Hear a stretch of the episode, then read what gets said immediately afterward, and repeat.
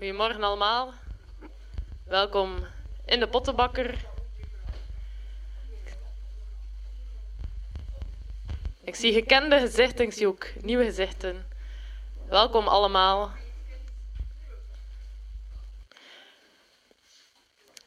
We gaan vandaag een aantal liederen zingen, gaan ook het kindermoment samen doen. Peter is nog eens hier om ons eh, te onderwijzen. Ik ga de dienst openen in gebed en dan geef ik het woord aan Jerre. Heere God, ik wil u danken voor deze zondag. Ik wil u danken dat we hier samen kunnen zijn, Heer. Maar we hebben ook verdriet voor de mensen die hier niet kunnen zijn, om welke reden dan ook. Of het nu zoals Lieve is die in het ziekenhuis ligt, of andere redenen die hun weerhouden om hier te zijn, God. We weten dat u bij hun bent, dat u kracht geeft, dat u troost geeft. Heer, ehm, ja, wilt u hun dat op dit moment ook extra laten voelen, dat ze niet alleen zijn, waar ze ook zijn, wat hun lichamelijke of mentale toestand ook is, Heer. En God wilt u ook genieten van onze lofzang deze ochtend voor u. Amen.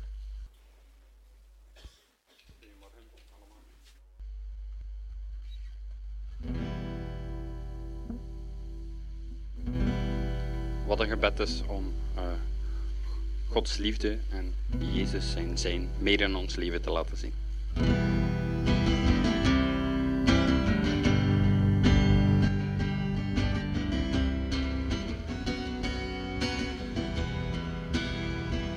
Show us more of you, so much more. Make us more like you are, so much more. So much more of your love in our lives, your word fulfilled in us, so much more. Show us more of you, so much more. Make us more like you are, so much more. So much more of your love in our your word fulfilled in us, so much more. You are a God who loves his children true. The only one who loves us true and true. There's nobody who compares to you, dear Lord. You proved yourself our eternal friend. This kind of love is hard to comprehend. Show us more of you, so much more. Show us more of you, so much more. Make us more like you are, so much more. So much more of your love in our lives, your word fulfilled in us, so much more. You are a God who loves his and true. The only one loves us true and true.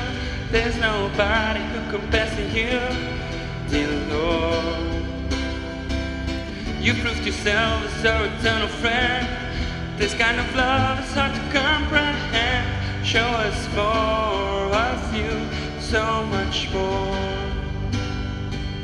Show us more of so much more. Make us more like you are, so much more. So much more of your love in our lives,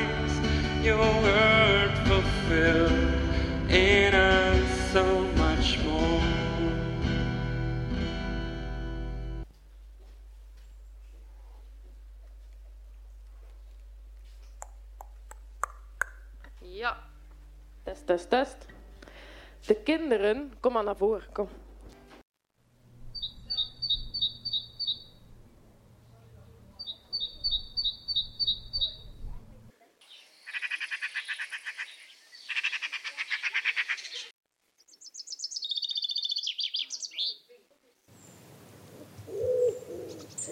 Ja, roep het maar. Ik hoor hier een uil. Wat is een duif? Anders hebben we veel uilen hè, in onze parken. Oké, dank u wel voor de assistentie van ons achter. Oké, jullie zijn allemaal een beetje slimmer in nu. Nu kunnen jullie straks in jullie tuin gaan kijken welke vogels jullie daar allemaal tegenkomen. En die vogels, weet je, in de Bijbel wordt er ook heel veel verwezen naar vogels. Om allemaal soorten redenen. Om iets duidelijk te maken aan de mensen. Maar om te zeggen, de vogels doen het zo, dus jullie doen het beter anders. Of de vogels doen het zo, dus jullie doen het beter ook zo. Maar ook in Matthäus 6, vers 26, daar staat... Kijk naar de vogels in de lucht.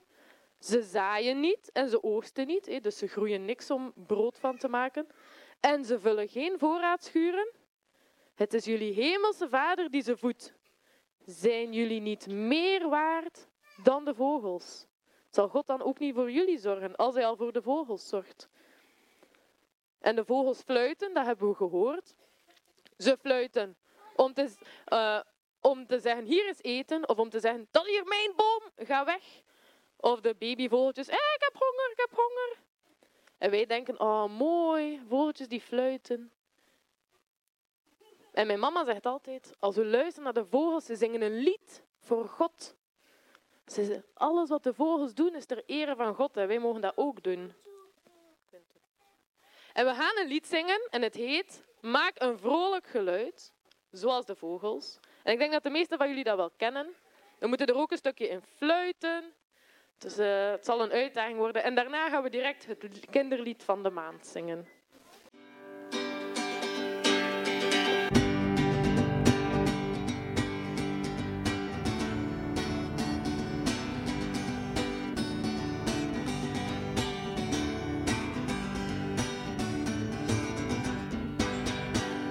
Een vrolijk geluid voor de Heer.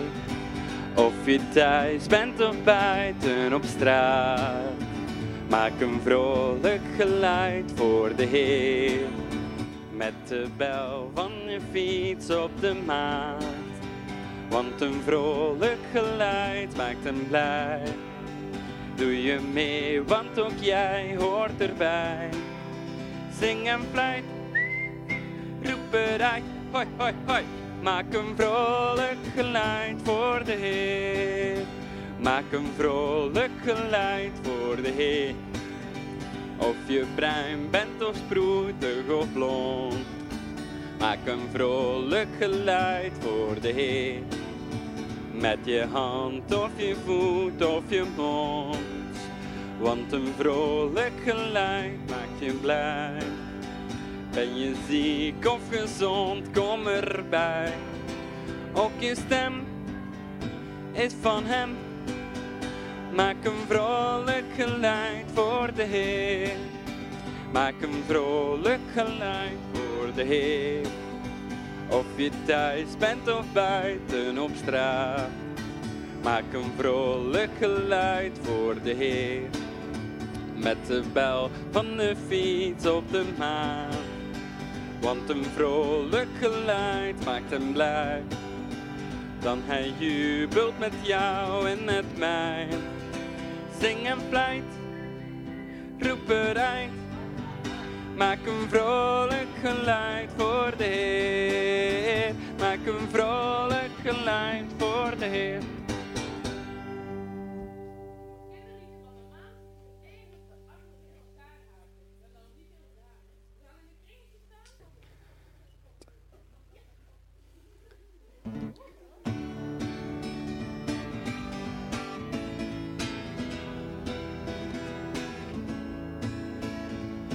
Samen is veel leuker, alleen is maar alleen. Iemand die je helpen kan, dat wil toch iedereen. Jij en ik zijn nodig in Gods koninkrijk. Niemand overbollig en iedereen gelijk. Ik wil heel graag je vriend zijn, dan zijn we nooit meer alleen. Jezus wil ons leiden, ook in moeilijke tijden, want Hij zorgt voor iedereen. Samen is veel leuker, alleen is maar alleen. Iemand die je helpen kan, dat wil toch iedereen. Jij en ik zijn nodig in Gods koninkrijk. Niemand overbodig en iedereen gelijk. We zijn soms zo verschillend en ieder heeft zijn eigen taal. Jezus wil ons leren alle mensen te waarderen, want hij houdt van ons allemaal. Samen is veel leuker, alleen is maar alleen. Iemand die je helpen kan, dat wil toch iedereen. Jij en ik zijn nodig in Gods koninkrijk. Niemand overbodig en iedereen gelijk. Niemand overbodig en iedereen gelijk. Niemand overbodig en iedereen gelijk.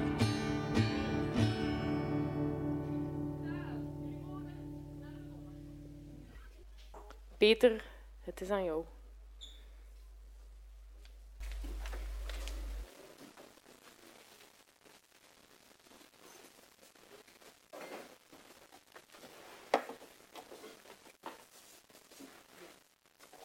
Goedemorgen iedereen. Ehm, ik ga eerst een PowerPoint tonen van. Ja, nee, de andere. Ja. Eerst even een, woordje over ETS. Eh, e Als ik in een gemeente kom, dan geef ik, geef ik altijd een klein woordje. Dit jaar hebben ze een ander kleurtje, zoals jullie zullen gezien hebben. Jammer genoeg hadden we niet genoeg mensen in Kortrijk om de locatie te laten doorgaan. Maar uh, we hebben uh, de andere locaties, uh, Brugge, Gent en Genk, en natuurlijk ook online en met video.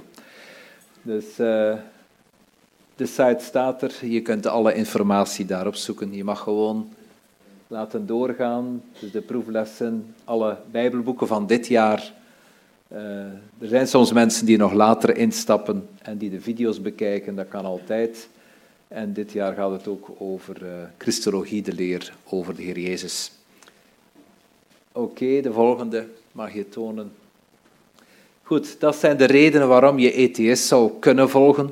Uh, zij die het gevolgd hebben, al die honderden studenten ondertussen in al die jaren, zijn bijzonder gezegend omdat ze in vier jaar doorheen de hele Bijbel gaan en uitleg krijgen en de grote lijnen zien en zien wie God is hem beter leren kennen, groeien in discipelschap uh, en ook toegerust worden voor hun eigen persoonlijk leven, geestelijk leven, maar ook in de gemeente. Goed, oeps, dat gaat iets te snel. Ja, jullie hebben ondertussen de andere gezien. Dus de verdiepingsweekends, ja, dus ETS nog eventjes. En dan hebben we van in de kerk ook de verdiepingsweekends, huwelijksweekend, vasten en gebedsweekend. De andere staan er ook op. Allemaal terug te vinden op indekerk.be. De site is ook wat vernieuwd. Als u daar naartoe gaat, zult u dat zien. De weekends gaan door in Connect uh, met een comfortabele studio, met lekker eten. Uh, er is ook een Franstalig huwelijksweekend voor zij die misschien uh, Franstalige mensen kennen. nodig ze zeker uit. Het is ook de derde keer dat we een Franstalig weekend hebben. Altijd heel bijzonder om, om het ook aan die mensen te kunnen aanbieden. Goed, en dan gaan we nu naar de andere site naar de andere PowerPoint. Um, ik ga met jullie lezen Genesis hoofdstuk 28. We gaan, uh, we gaan op reis met Jacob. Speciale reis. Het is eigenlijk geen reis, het is eigenlijk een vlucht. Zoals jullie weten, zij moeten vluchten voor zijn broer. En we gaan even een uh, gedeelte lezen. Hij is net vertrokken, weg van zijn familie op naar het noorden, naar zijn, naar zijn oom Laban. En er is een speciaal moment dat uh, die, die Jacob meemaakt met, met God. Genesis 28, vers 10 tot 13. Jacob is nog maar net vertrokken of hij heeft een hele bijzondere ervaring met God in Betel. Genesis 28, vers 10. Jacob nu vertrok uit Berseba en ging naar Haran. Hij bereikte de plaats waar hij overnachtte, want de zon was ondergegaan. Hij nam een van de stenen van die plaats, maakte daar zijn hoofdkussen van en legde zich op die plaats te slapen. Toen droomde hij, en zie, op de aarde stond een ladder, waarvan de top de hemel raakte, en zie, de engelen van God klommen daar langs omhoog en omlaag. En zie, de Heere stond boven aan die ladder en zei, ik ben de Heere, de God van uw vader Abraham en de God van Isaac. Dit land waarop u ligt te slapen, zal ik u en uw nageslacht geven. Straks gaan we nog wat verder lezen in dat gedeelte. Jacob. Een bijzonder levensverhaal. Een man die heel veel geworsteld heeft in zijn leven. Die strijd heeft gehad. Die gestreden heeft met zichzelf vooral. Met God, met mensen. Jacob, die, die het zelf wilde proberen en die daardoor heel veel geworsteld heeft. Laten we eerst even kijken, we gaan hem even situeren. Je ziet hem daar worstelen. Hè. Dat verhaal komt straks nog, Pniel. Maar we gaan even naar de volgende dia. Ah, ik kan hier natuurlijk, ja, uiteraard. Goed. Dus, we hebben uh, even de stamboom om het te situeren. De aardvaders Abraham, Isaac en dan komt Jacob met zijn tweelingbroer Isaac, Esau. Goed. Dat was de stamboom en we gaan nu kijken, um, ja, hoe is dat verlopen? Ik haal gedurende de preek een aantal versen aan.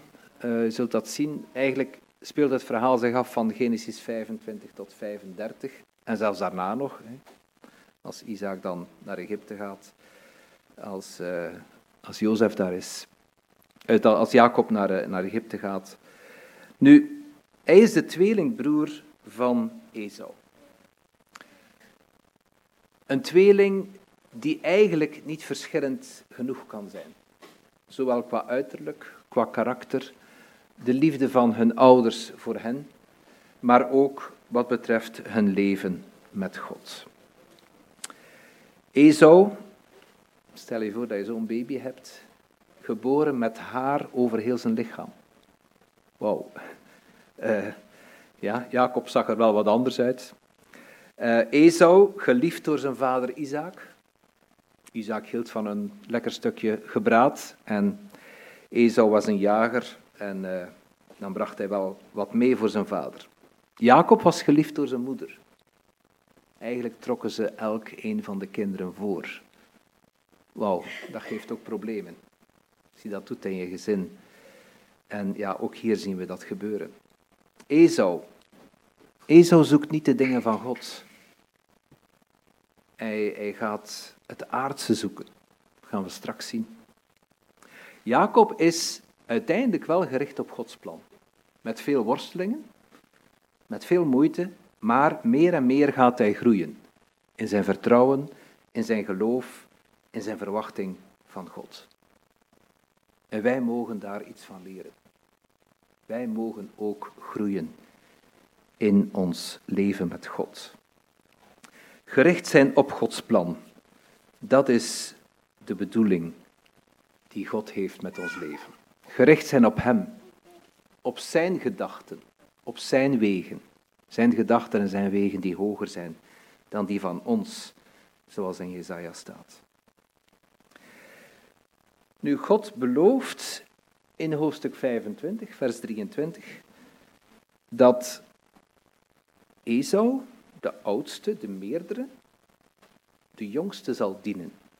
De Heer zei toen tegen Rebecca, tegen hun moeder, er zijn twee volken in uw schoot en twee naties zullen zich uit uw lichaam vaneenscheiden. Het ene volk zal sterker zijn dan het andere en de meerdere zal de mindere dienen. Het lag al vast, dat plan. God had het al gezegd tegen Rebecca.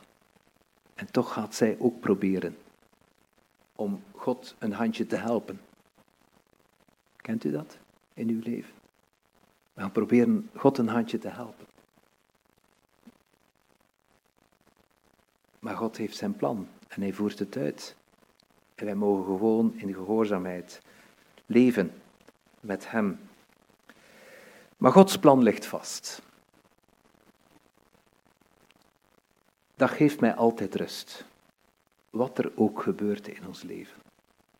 Ook nu de situatie met Christine. Ook de situatie in jullie leven. Wat er ook gebeurt in ons leven. God weet alles. En soms laat hij ziekte toe. En soms laat hij moeilijke dingen toe.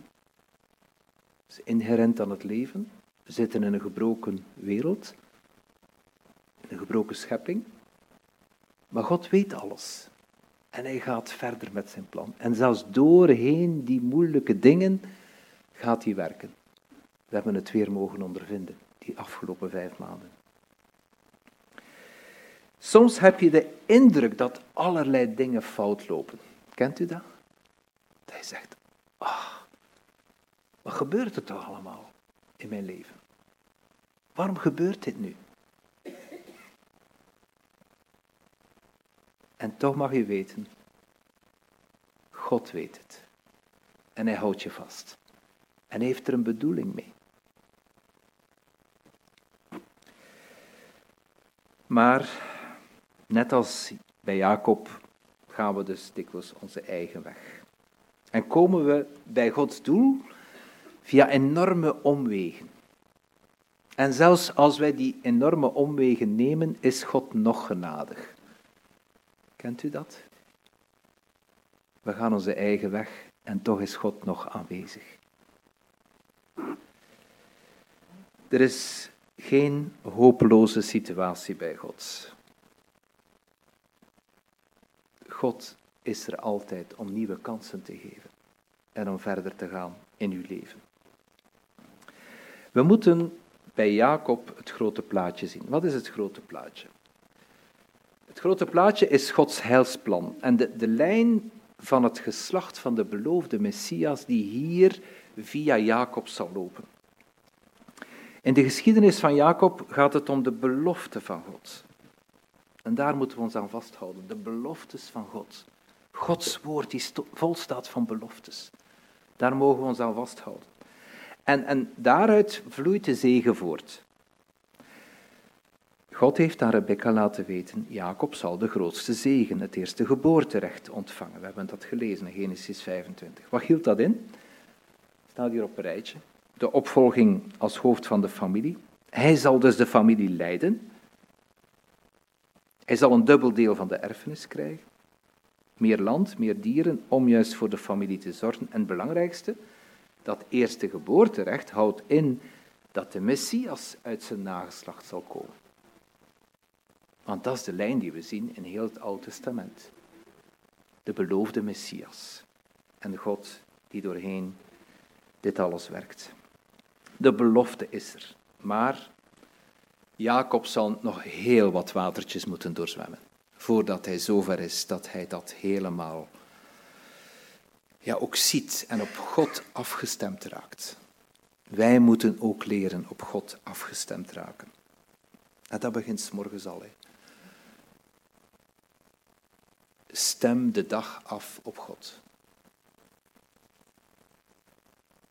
Ontmoet Hem. Soms is het al s'nachts, als je wakker ligt, tijd om te bidden. Tijd om te bidden, tijd om, om bij God te zijn. Hij heeft jaren geworsteld, Jacob, en soms worstelen wij ook lang. En hij probeert via bedrog en via zijn eigen trots, ja, dat speelt hem ook een rol, en via bedrog probeert hij toch zijn eigen weg te gaan.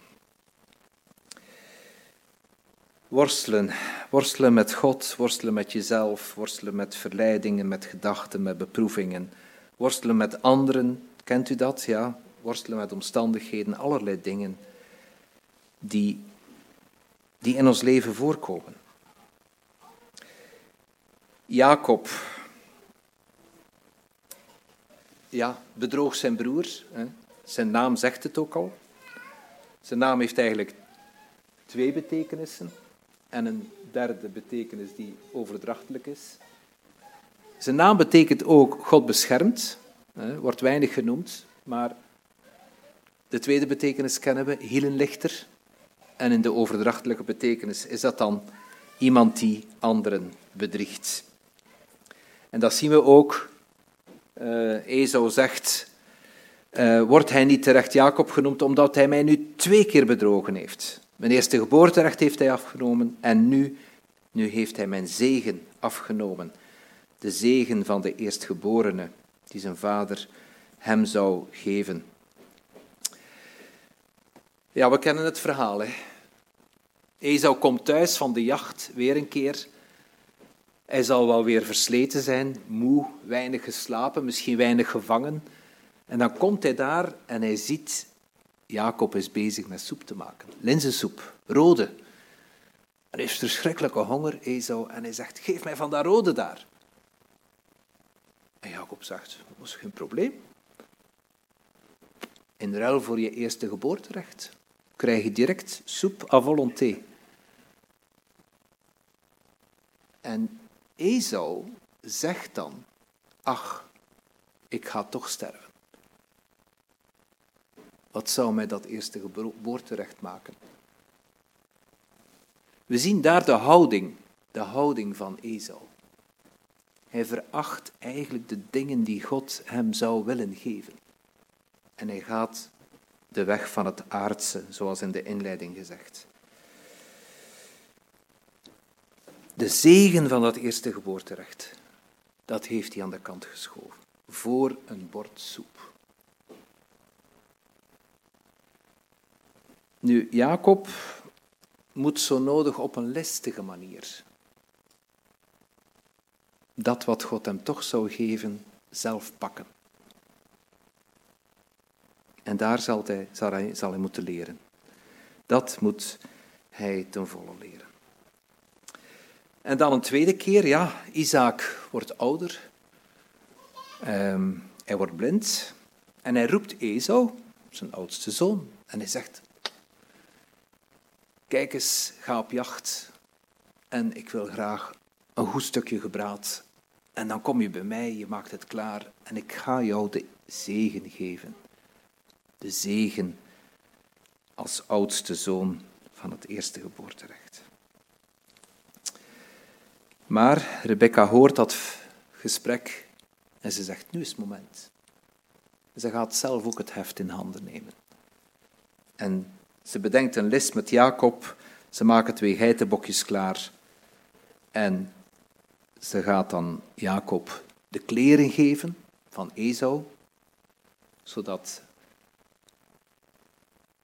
uh, ja, vader Isaac het niet ruikt, dat het Jacob is. Ze gaat de, de, vellen van de geitjes over zijn handen doen en als een hals. En dan, dan komt Jacob bij zijn vader. En Isaac twijfelt nog. Hij zegt, dat is raar, het is de stem van Jacob. Maar ik, ik, ik ruik Esau. En hij geeft hem de zegen, de zegen van het eerste geboorterecht. Door zijn eigen kracht en slimheid probeert Jacob het te pakken te krijgen, met alle gevolgen van dien. En dat kennen we in ons leven. Hè? We hebben soms drastische gevolgen in ons leven, doordat we het zelf in handen nemen. En dan de reactie van Esau. Hij haat zijn broer. En hij zegt, als mijn vader overleden is, dan ga ik hem vermoorden. De haat zit heel diep. En Jacob moet vluchten naar Laban, naar zijn oom. Hier zien we het bedrog. En dan gaat hij dus naar de broer van zijn moeder, op de vlucht, helemaal naar het noorden. Kilometers en kilometers een lange reis, meer dan duizend kilometer. Vele, vele dagen alleen in de woestijn, hoofdzakelijk. Heeft veel tijd om na te denken. Wat zal er door zijn hoofd gegaan zijn? Wat zal er door zijn hoofd gegaan zijn? Hier zie je nog een andere illustratie. En dan komt hij in Betel. We hebben dat gedeelte gelezen. En daar in de nacht, in de stilte, in de eenzaamheid, heeft hij een ontmoeting met God. En daar spreekt God tot hem. En we hebben die ladder, we hebben gelezen van die ladder. Engelen die omhoog gaan en omlaag. Nu, de betekenis van Betel is het huis van God. Een ontmoeting met God. De hemel gaat open op die plaats. In de stilte, oh dat kennen we. De Heer Jezus ging ook in de stilte. Ook dikwijls nachts, in de eenzaamheid. En daar had hij een ontmoeting met zijn hemelse Vader. Daar kreeg hij kracht, daar kreeg hij leiding. Daar zocht hij God altijd weer opnieuw. En wij mogen hetzelfde doen. Wij mogen ook in de stilte gaan. Ik noem het altijd de positieve eenzaamheid, om God te ontmoeten. Om Hem te ontmoeten. Zodat we niet afgeleid zijn. Je moet, je moet in de stilte gaan, anders lukt het niet. En dan leren we God ten volle kennen. Dan gaat Hij tot ons spreken, dan gaat Hij leiding geven in ons leven. Dan gaat Hij spreken door zijn woord, gaat zijn geest onze gedachten leiden. En dan gaat de hemel ten volle open. En dan gaan we God ontmoeten. Verlang je ernaar? Verlang je ernaar dat de hemel open gaat? En dat God tot je spreekt? En dat is ook heel dikwijls een worsteling. Kent u dat? Er is al zoveel die onze aandacht trekt. En God wil dat we tot Hem naderen. Ik moet zo dikwijls denken aan dit vers, Jacobus 4, vers 8. Nader tot God en Hij zal tot u naderen. Dat vers komt altijd weer in mijn gedachten. Nader tot God en dan komt Hij naar jou toe. God staat bovenaan de ladder. Dat betekent heel veel. Dat betekent God heeft de regie in ons leven. Hij is het die alles leidt en stuurt. Hij staat bovenaan die ladder. En hij maakt Jacob geen verwijten, maar hij bemoedigt hem en hij belooft hem te bewaren. Laat ons lezen dit gedeelte. Dit land waarop u ligt te slapen, hadden we al gelezen, zal ik u en uw nageslacht geven. En dan vers 14. Uw nageslacht zal talrijk zijn als het stof van de aarde en u zult zich uitbreiden naar het westen, het oosten, het noorden en het zuiden. In u en uw nageslacht zullen alle geslachten van de aardbodem gezegend worden. Dezelfde belofte die Abraham kreeg, wordt hier herhaald. En wij horen hierbij. In u zullen alle geslachten van de aardbodem gezegend worden. Ook de heidenen, de niet-Joden. Wat een geweldig plan heeft God met deze wereld. En hij bouwt zijn koninkrijk. En wij mogen daar deel van uitmaken. En zie, ik ben met u. Ik zal u beschermen overal waar u heen zult gaan. En ik zal u terugbrengen in dit land. Want ik zal u niet verlaten totdat ik gedaan heb wat ik tot u gesproken heb. Toen Jacob uit zijn slaap ontwaakte, zei hij, de Heere is werkelijk op deze plaats en ik heb het niet geweten. Daarom was hij bevreesd en hij zei, hoe onzagwekkend is deze plaats. Dit is niets anders dan het huis van God, Bethel, en de poort naar de hemel. Jacob, een ontmoeting met God. Cruciaal in zijn leven.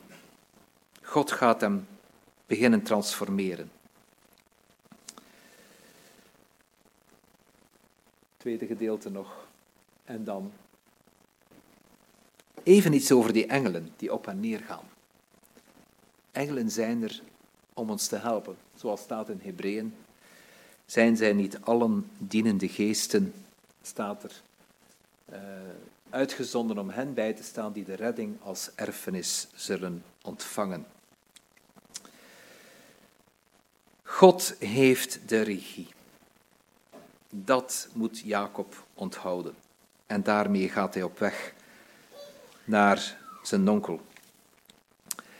En dan komt hij bij Laban in de streek van Haran. En ja, natuurlijk, het onvermijdelijke gebeurt. Hij ontmoet de jongste dochter van Laban, Rachel, en wordt op slag verliefd. En dan komt hij bij Laban en uh, ja, hij mag, hij mag Rachel krijgen als bruid. Maar Laban zegt, eerst zeven jaar werken. En na zeven jaar is het zover. Dan krijgt hij zijn bruid. Maar de bedrieger Jacob wordt zelf ook bedrogen. En hij krijgt niet Rachel, maar Lea. En dan moet hij nog een keer zeven jaar werken om Rachel te krijgen. Want zegt Laban, ja, dat is niet onze gewoonte. Eerst de oudste die trouwt en dan de volgende. En zo moet hij veertien jaar werken om uiteindelijk zijn geliefde te krijgen. Nu, hij kreeg wel al na één week getrouwd te zijn met Lea, kreeg hij wel al Rachel als bruid, maar hij moest nog die zeven jaar werken. Ja, bedrog en hij wordt zelf ook bedrogen. En dan krijgen we alle stammen daar van Israël die uit de kinderen van Jacob voortkomen.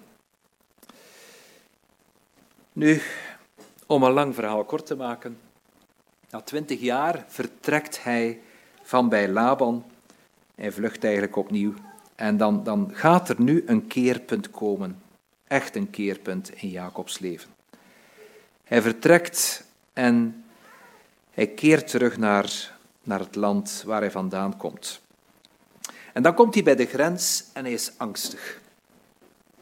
Hij is bang voor de ontmoeting met zijn broer. Want hij wist, mijn broer wil mij vermoorden. Wat zal er door hem heen zijn gegaan? Dan gaat hij geschenken sturen naar zijn broer. En hij gaat zijn, zijn, zijn vrouwen sturen, zijn kinderen, zijn kuddes, alle bezit. En hij blijft alleen achter aan de ene kant van de rivier. Weet je, je kunt alles overgeven wat je hebt. Maar het moeilijkste is om jezelf helemaal over te geven. Overgave. God vraagt dan ons overgave. En dat is een moeilijk iets. En dan gaat Jacob echt letterlijk worstelen. Hij worstelt met een man, staat er, in de nacht. Opnieuw in de stilte, in de eenzaamheid, alleen met God, net zoals in Betel, gaat hij nu opnieuw God ontmoeten. We gaan, uh, hier zijn ze op weg. En dan.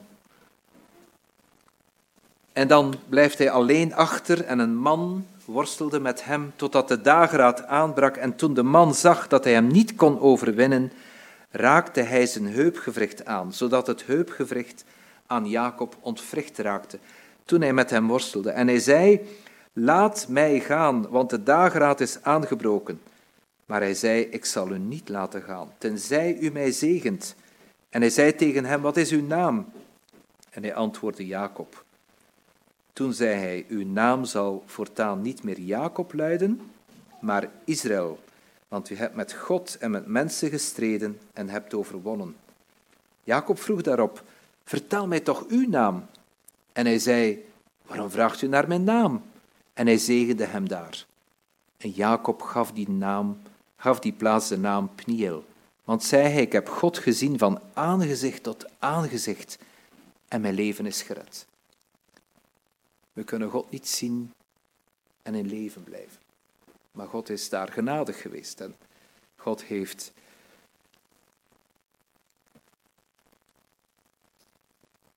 Oké. Pniel, het aangezicht van God. Heeft God ontmoet. Heeft de engel des Heren ontmoet eigenlijk. De man die met Jacob worstelt is wat we noemen de vleesgeworden manifestatie van de Zoon van God. De engel des Heren in het Oude Testament.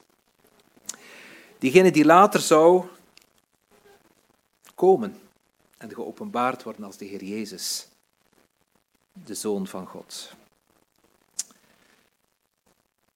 Jacob krijgt een nieuwe naam, Israël.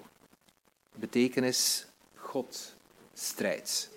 Het is nu niet meer Jacob die moet strijden in zijn leven, die het zelf moet doen, maar het is God zelf die de strijd voert. En op dat punt moeten wij ook komen. Als wij tot overgave komen, dan is het God die strijdt in ons leven. Dan moeten we zelf niet meer proberen om onze dingen te regelen. God zelf gaat dan aan het werk. En Jacob mag weten, God gaat nu met mij mee. En hij zal mij de overwinning geven. En dat is ook wat gebeurt. Ook voor ons is dat zo. Maar, wat zien we? Hij gaat erbij mank. Zijn menselijke kracht is weg. Zijn heupgewricht is, is aangeraakt. Hij is verbroken. Verbrokenheid is belangrijk in ons leven. Niet gebrokenheid. Gebrokenheid leidt tot bitterheid. Dat is niet wat God wil. God wil dat we verbroken zijn. Dat we ons overgeven. Dat we niet onze eigen weg blijven wandelen. Maar dat we in zijn kracht gaan leven. Paulus zegt toen hij worstelde met, met, ja, met de doorn in het vlees, zoals hij dat dan noemt, wat het ook mag zijn. God heeft dan gezegd, mijn genade is u genoeg. En zo is het ook in het leven van Jacob. Gods genade is daar aanwezig. En hij moet niet verder in eigen kracht gaan werken. En dan pas kan hij zich ook verzoenen met zijn broer. Door gebrokenheid is er verzoening met God en is er ook verzoening mogelijk met mensen. We moeten ons leren ja, helemaal overgeven, tot gehoorzaamheid komen. Jacob wint door te willen verliezen. De Heer Jezus won ook door te verliezen. Het leek alsof hij alles was verloren aan het kruis. Maar daar is de grote overwinning gebeurd. God wil dat wij ook verliezen, ook heel dikwijls in conflicten. Toegeven dat je fout bent in je huwelijk, met je kinderen, met vrienden, in de gemeente. Leren toegeven, ja, ik heb ook mijn deel in datgene wat het conflict veroorzaakt. Jezus zei, je moet je kruis opnemen, je moet sterven aan jezelf, overgave. Elisabeth Eliot zegt, je moet je rechten opgeven. Soms denken we nog, we hebben rechten toch. Nee, zegt ze, je moet het opgeven, dat is sterven aan jezelf, dat is je kruis opnemen. Niet mijn wil, maar uw wil geschieden. We kennen de bekende woorden. En ik hoop dat God de genade mag geven om, om datgene te doen wat ons leven juist laat afgestemd zijn op Zijn wil, op Zijn plan. Want dat is Zijn verlangen. Is het u opgevallen? Jacob wilde niet opgeven. En hij vroeg en hij bleef vragen: Ik laat u niet gaan tenzij u mij zegent. En dat, dat mogen wij ook vragen. Het gebed is een worsteling. Het is worstelen met God. Maar in die worsteling heeft Jacob de engel des Heren overwonnen. Met gebed en met smeking.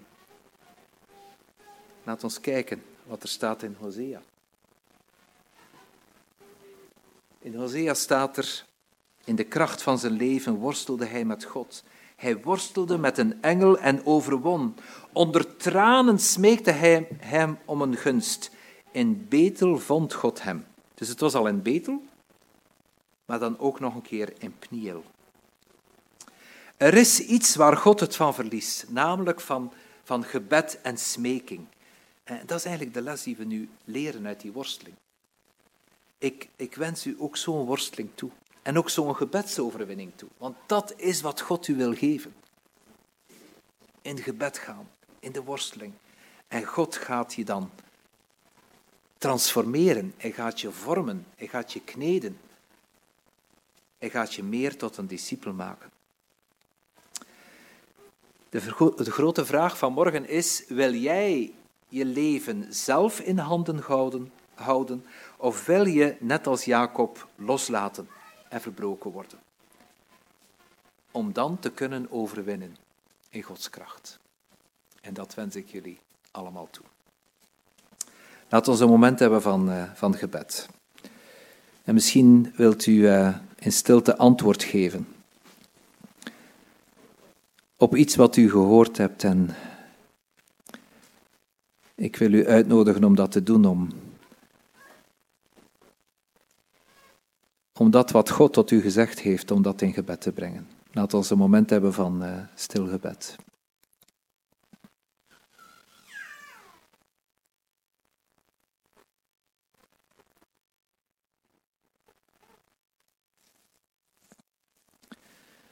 Vader, we danken u voor het voorbeeld van Jacob. Heer, een leven vol met worsteling, maar uiteindelijk bent u degene die uh, uw plan hebt uitgewerkt in zijn leven. Vader, we danken u dat u ook uw plan wilt uitwerken in ons leven. We danken u voor uw genade. We danken u dat u altijd weer daar bent. En als we u zoeken, dan gaat u tot ons spreken. Heer, help ons om u te zoeken in de stilte, in de eenzaamheid. Om stil te worden, om te begrijpen wie u bent, om uw woord te begrijpen, om geleid te worden door uw geest, om gevormd en gekneed te worden. Heer, ik wil u bidden om een zegen over elk die hier is en ik bid, Heer, als mensen juist ook nu aan het worstelen zijn met bepaalde dingen, dat u hen tegemoet wilt komen, dat u hen wil zegenen. Net als Jacob werd gezegend in Pniel. Vader, werk in ons leven. We hebben u zo nodig. We strekken ons uit naar u. We verwachten het van u, Heer.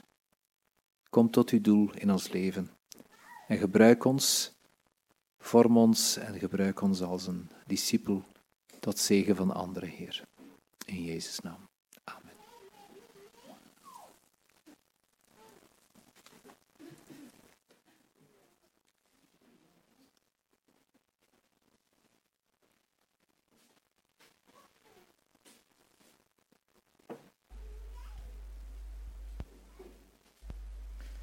Dank wel, Pieter.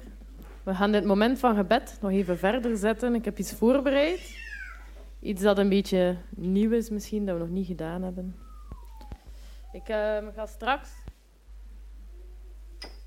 langs elke kant een kommetje doorgeven. Daar zitten stukjes papier in. Je mag geen blaadje nemen. Ik ga ook wat stilo's doorgeven voor zij die geen stilo hebben. En ik wil jullie uitnodigen om een naam op te schrijven van iemand die op je hart ligt. Ik stel voor alleen een voornaam. Um, dat je een voornaam opschrijft van iemand waar je aan denkt. En dan, als je er fysiek toe in staat bent, en anders geef je het mee met iemand. Ik ga hier aan het kruis ook twee kommen zetten. Mag je het daar... Straks ga ik het daar zetten. Ik zie Ida zal kijken dat hij het niet ziet staan. Straks ga ik daar uh, op een van die stoelen twee kommen zetten. En dan mag je dat blaadje daarin komen steken. Um, symbolisch die mensen bij het kruis brengen. En ik wil ter inleiding Jacobus um, 5, vers 16 voorlezen. Daar staat: Daarom beken elkaar uw zonden en bid voor elkaar. Dan zult u genezen. Want het gebed van een rechtvaardige is krachtig en mist zijn uitwerking niet. Terwijl dat jullie een blaadje krijgen en een naam kunnen opschrijven, gaat Jerre een lied zingen en spelen. Um, daarna ga ik het tweede deel van dit nieuwe ding uitleggen.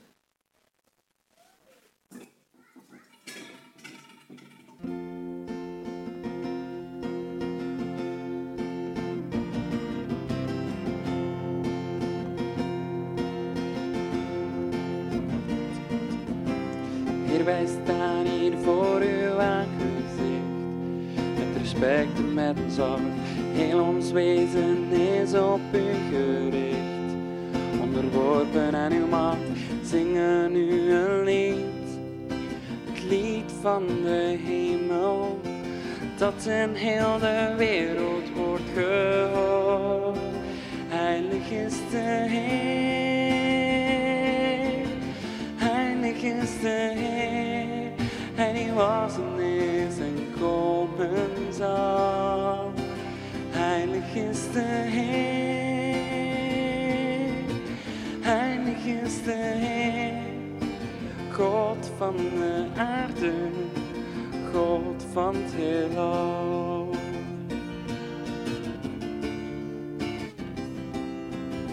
Heer, wij staan hier in uw heerlijkheid.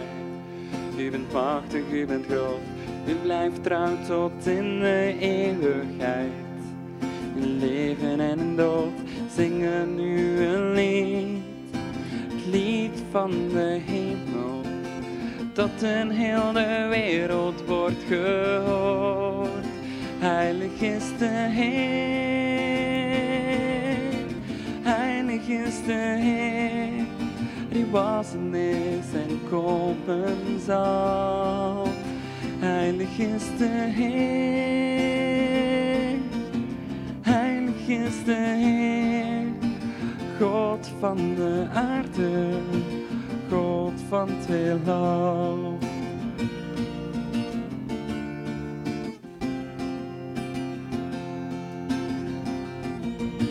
Voel u vrij om naar voren te komen. Heilig is de Heer, heilig is de Heer, Hij was is en komen zal. Heilig is de Heer, heilig is de Heer, God van de aarde, God van het heelal.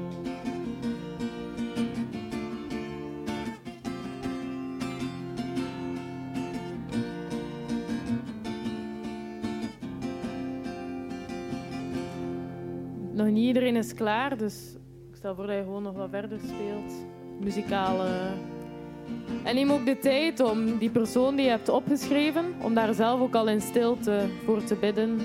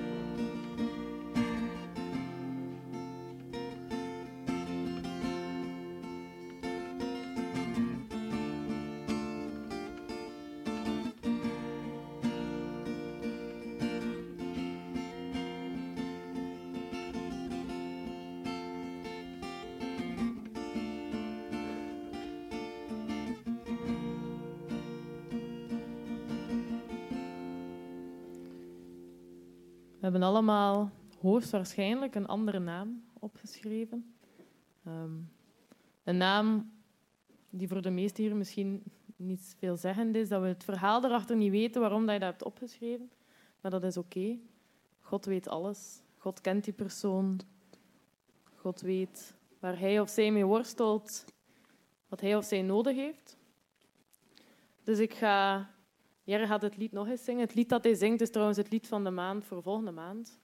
Ehm, en nu ga ik die kommen terug doorgeven. En het is de bedoeling dat je gewoon een naam eruit pakt. Je moet niet kijken, neem gewoon één. Hoogstwaarschijnlijk is het iemand dat je niet kent. Je weet niet wat het verhaal erachter is en dat is niet erg. Ik wil u uitnodigen om op dit moment, als je daar sterk genoeg voor voelt, als je denkt, ik voel me daar comfortabel bij, om in stilte voor die persoon te bidden, maar ook om dat mee te nemen naar huis. En u daarop toe te leggen om voor die persoon te bidden en die bij God te brengen. Je hoeft het verhaal erachter niet te kennen om voor die persoon te kunnen bidden.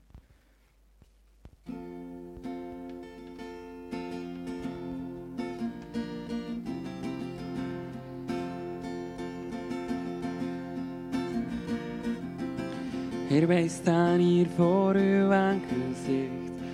Respect en met een zorg. Heel ons wezen is op u gericht. Onderworpen aan uw macht zingen wij een lied. Het lied van de hemel.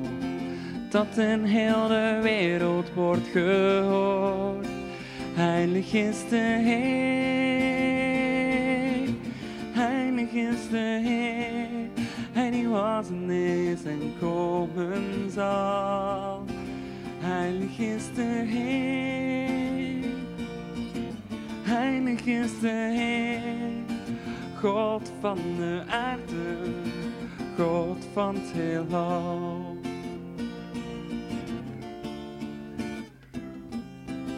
Heer, wij staan hier in uw heerlijkheid. U bent machtig, u bent groot. U blijft trouw tot in de eeuwigheid.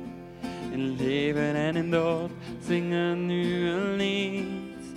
Het lied van de hemel. Dat in heel de wereld wordt gehoord. Heilig is de Heer. Heilig is de Heer.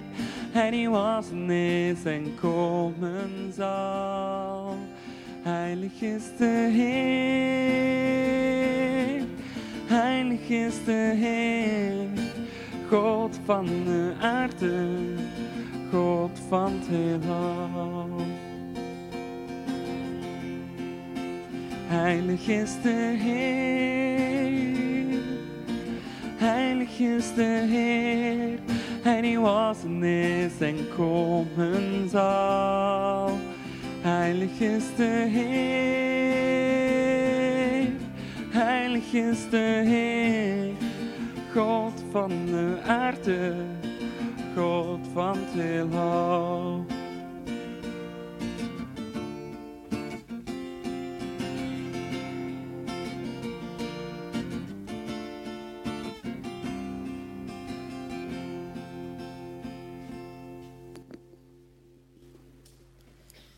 Heere God, dank wel God dat u iedereen kent, dat u iedereen ziet. Heer, ehm, dank wel dat al die mensen van wie we de naam hebben opgeschreven, dat die niet onbekend zijn voor u. Heer, we willen ze voor uw troon brengen, Heer, en aan uw voeten aan het kruis neerleggen, Heer, waar u bent gestorven en de dood hebt overwonnen en ons, ons hebt vrijgemaakt, Heer. En we bidden dat dat ook voor deze mensen, wat er ook speelt in hun leven, wat ze ook nodig hebben, Heer, dat, dat ze u mogen vinden. Dat ze met u mogen worstelen, mogen smeken, mogen bidden en zegen mogen ontvangen, Heer. Amen.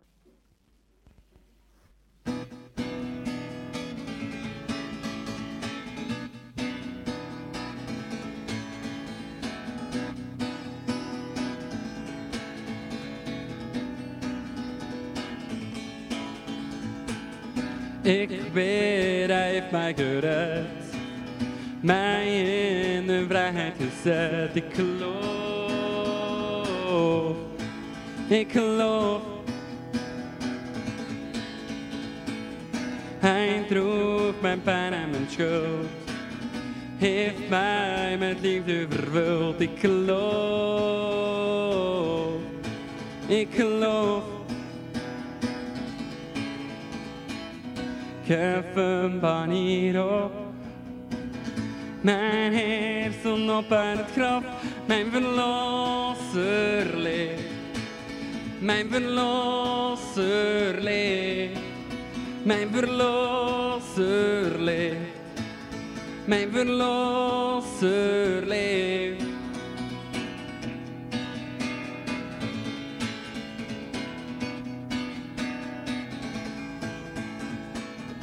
Ik bid, hij mij gered.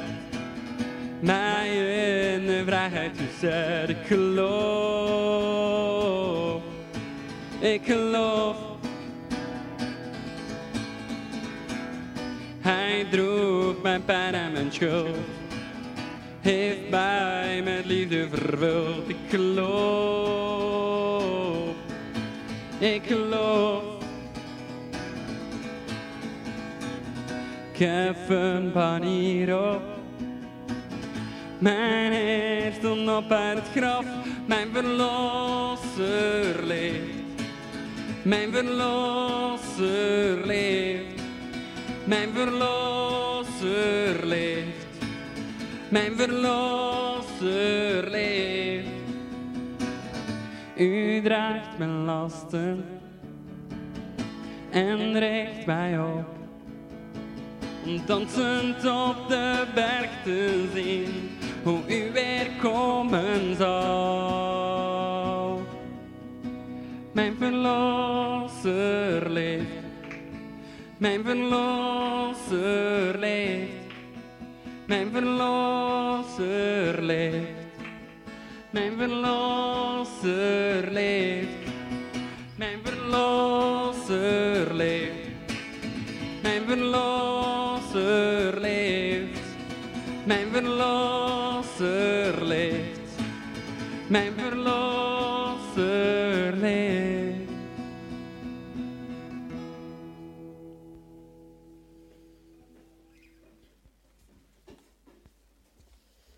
We zijn aan het einde gekomen. Nog een aantal mededelingen.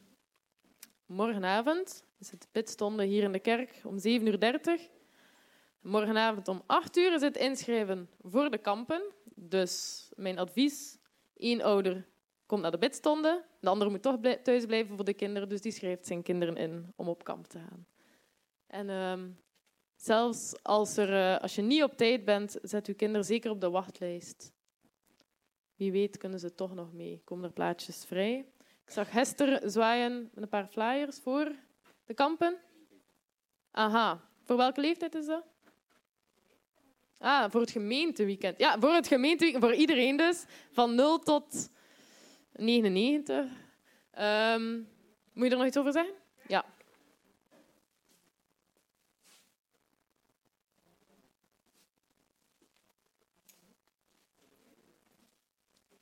Hallo.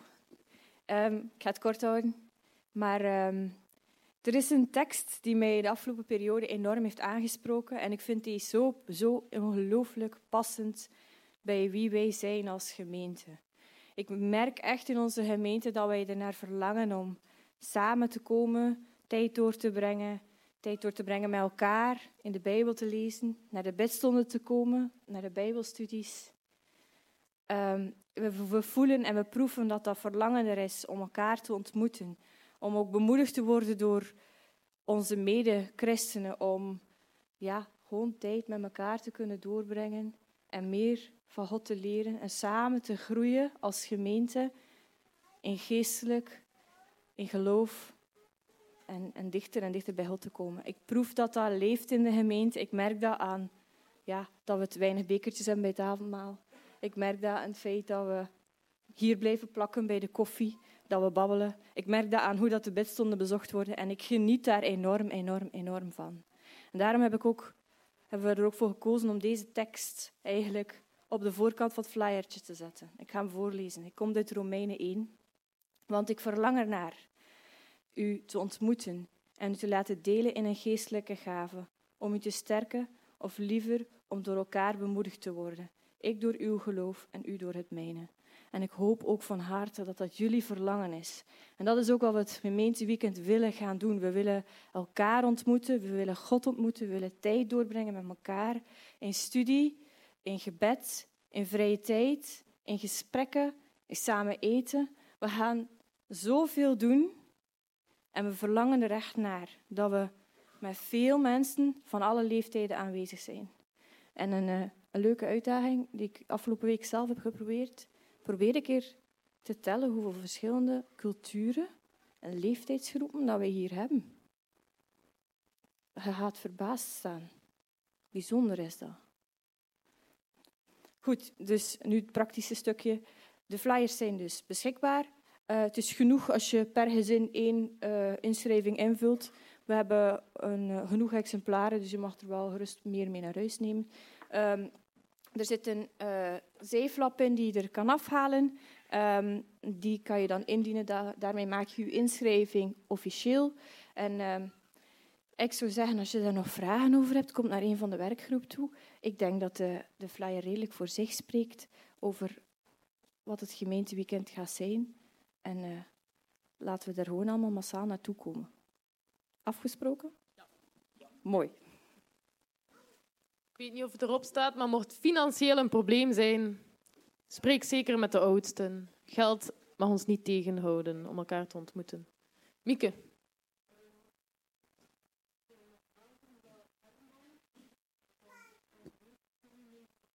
Ah, Herman wordt 92. Ik moest dat eigenlijk al vorige week al uitgedeeld hebben, maar ben dat vergeten met al die beslommeringen. Uh, het is normaal uh, volgend weekend, weekend van geloofsvervolging van Open Doors. Uh, en dat is op verschillende plaatsen. Maar ik moest dat eigenlijk al twee weken hier al uh, gelegd hebben, maar sorry daarvoor. Dat is dat eigenlijk. Gaan ze van achter liggen? Ja, waar zoekt ze Daar achteraan op de kast gaan de flyers liggen. Dus komende vrijdag is er in Roeselare Open Doors over geloofs, geloofsvervolging. Dan tot slot, op 6 mei bestaat deze kerk, niet het gebouw, maar deze mensen samen, 100 jaar. En um, ja, tof, hè? Ik zie Bernard al applaudisseren. Um, niemand van ons is er al zo lang bij, we zijn hier geen 100-jarigen, maar we willen er wel graag iets mee doen. Dus David en ik zullen alvast onze schouders zetten onder iets organiseren. We hebben al een paar mensen in gedachten die we willen aanspreken, maar wil je graag helpen? Om iets in elkaar te steken rond het 100-jarig bestaan van onze kerk, spreek David of mezelf aan. Dan rest me alleen nog om te zeggen: de koffie is klaar en de koekjes ook. En een gezegende week.